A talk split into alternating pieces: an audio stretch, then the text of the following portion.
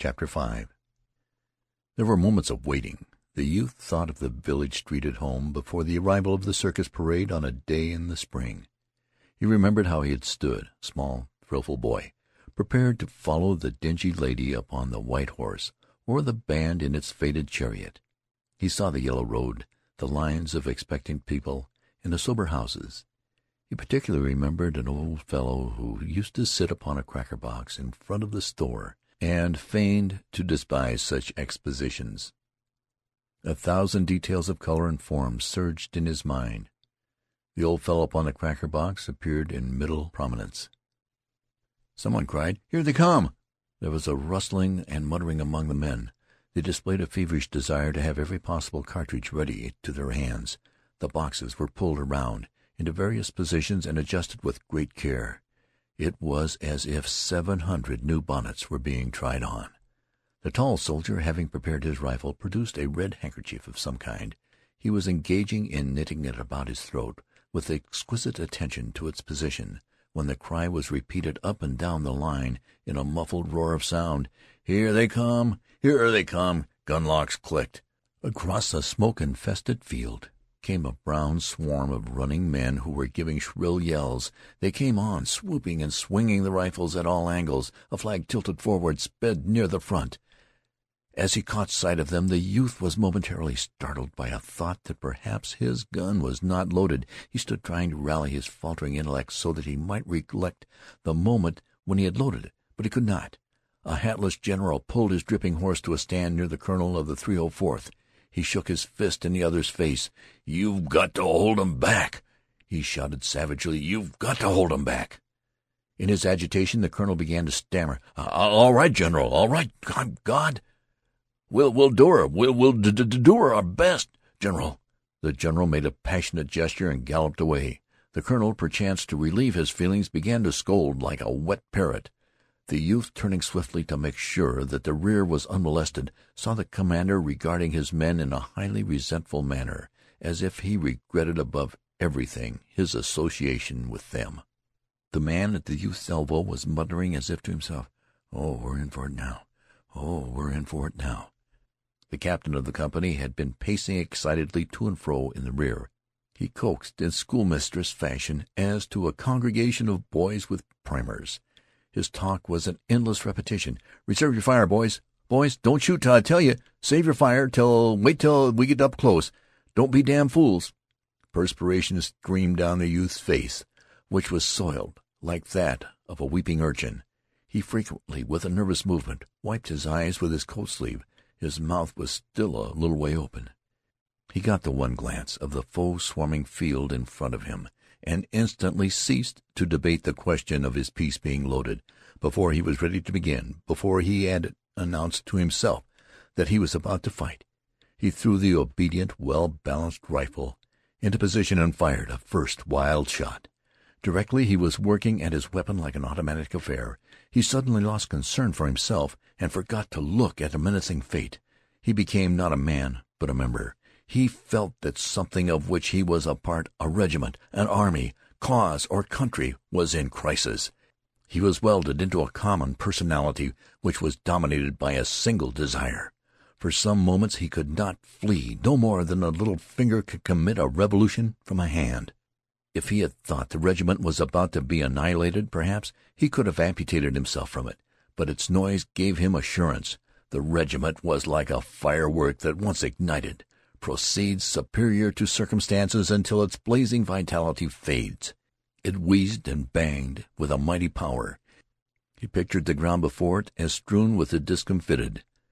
There was a consciousness always of the presence of his comrades about him. He felt the subtle battle brotherhood more potent even than the cause for which they were fighting. It was a mysterious fraternity born of the smoke and danger of death. He was at a task. He was like a carpenter who had made many boxes, making still another box, only there was furious haste in his movements. He, in his thought, was careening off other places, even as the carpenter who as he works whistles and thinks of his friend or his enemy, his home or a saloon and these jolted dreams were never perfect to him afterward, but remained a mass of blurred shapes. Presently he began to feel the effects of the war atmosphere. A blistering sweat, a sensation that his eyeballs were about to crack like hot stones. A burning roar filled his ears. Following this came a red rage he developed an acute exasperation of a pestered animal, a well meaning cow worried by dogs. He had a mad feeling against his rifle, which could only be used against one life at a time. He wished to rush forward and strangle with his fingers. He craved a power that would enable him to make a world sweeping gesture and brush all back. His impotency appeared to him and made his rage into that of a driven beast. Buried in the smoke of many rifles, his anger was directed not so much against the men whom he knew were rushing toward him as against the swirling battle phantoms which were choking him, stuffing their smoked robes down his parched throat. He fought frantically for respite, for his senses, for air, as a babe being smothered attacks the deadly blankets. There was a blare of heated rage, mingled with a certain expression of intentness on all faces. Many of the men were making low-toned noises with their mouths, and those subdued cheers, snarls, imprecations, prayers made a wild, barbaric song that went as an undercurrent of sound, strange and chant-like, with the resounding chords of the war march. The man at the youth's elbow was babbling. In it there was something soft and tender, like the monologue of a babe. The tall soldier was swearing in a loud voice. From his lips came a black procession of curious oaths. Of a sudden another broke out in a querulous way, like a man who has mislaid his hat. "Well, why don't they support us? Why why don't they send supports? Do they think——" The youth in his battle sleep heard this as one who dozes hears. There was a singular absence of heroic poses. The men bending and surging in their haste and rage were in every impossible attitude. The steel ramrods clanked and clanged with incessant din as the men pounded them furiously into the hot rifle barrels. The flaps of the cartridge boxes were all unfastened and bobbed idiotically with each movement. The rifles, once loaded, were jerked to the shoulder and fired without apparent aim into the smoke or at one of the blurred and shifting forms which upon the field before the regiment had been growing larger and larger, like puppets under a magician's hand.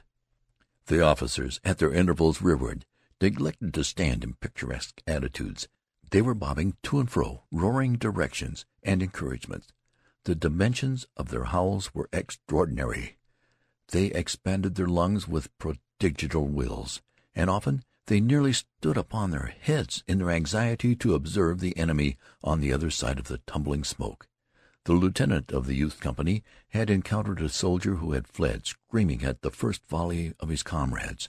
Behind the lines these two were acting a little isolated scene. The man was blubbering and staring with sheep-like eyes at the lieutenant, who had seized him by the collar and was pommeling him.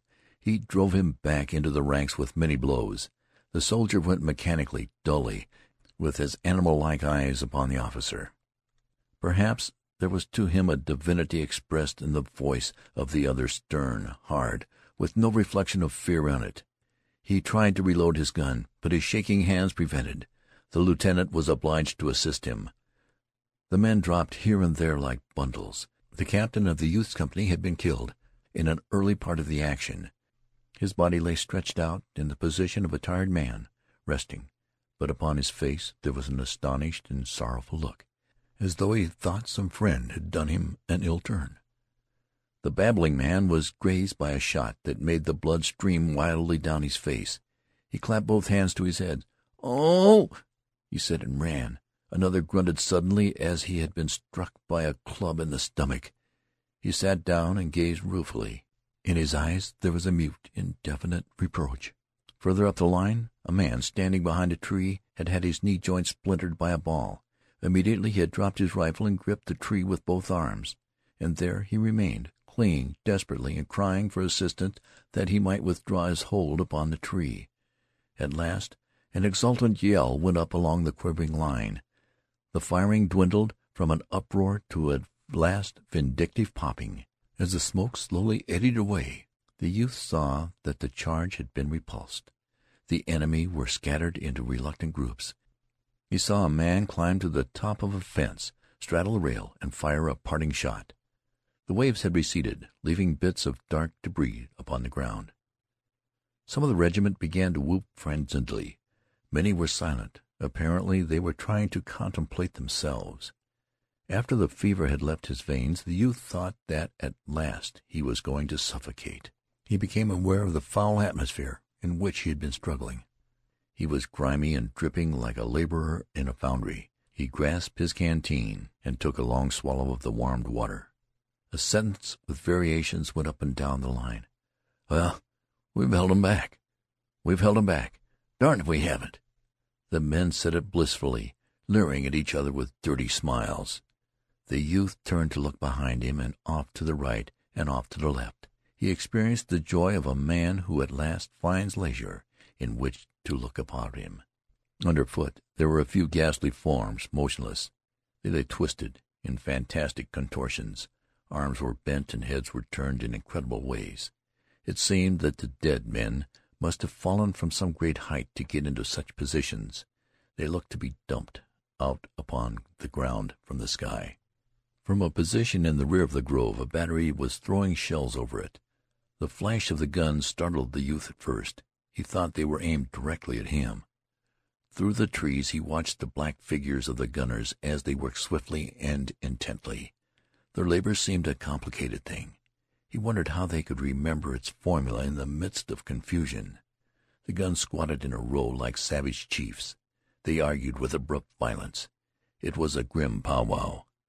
Their busy servants ran hither and thither. A small procession of wounded men were going drearily toward the rear. There was a flow of blood from the torn body of the brigade. To the right and to the left were the dark lines of other troops. Far in front, he thought, he could see lighter masses protruding in points from the forest. They were suggestive of unnumbered thousands. Once he saw a tiny battery go dashing along the line of the horizon. The tiny riders were beating their tiny horses.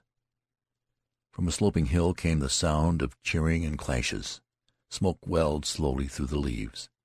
Batteries were speaking with thunderous oratorical effect. Here and there were flags, the red and the stripes dominating. They splashed bits of warm color upon the dark lines of troops.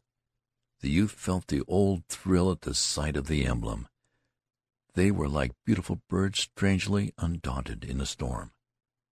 As he listened to the din from the hillside, to a deep pulsating thunder that came from afar to the left, and to the lesser clamors which came from many directions, it occurred to him that they were fighting, too over there, and over there, and over there.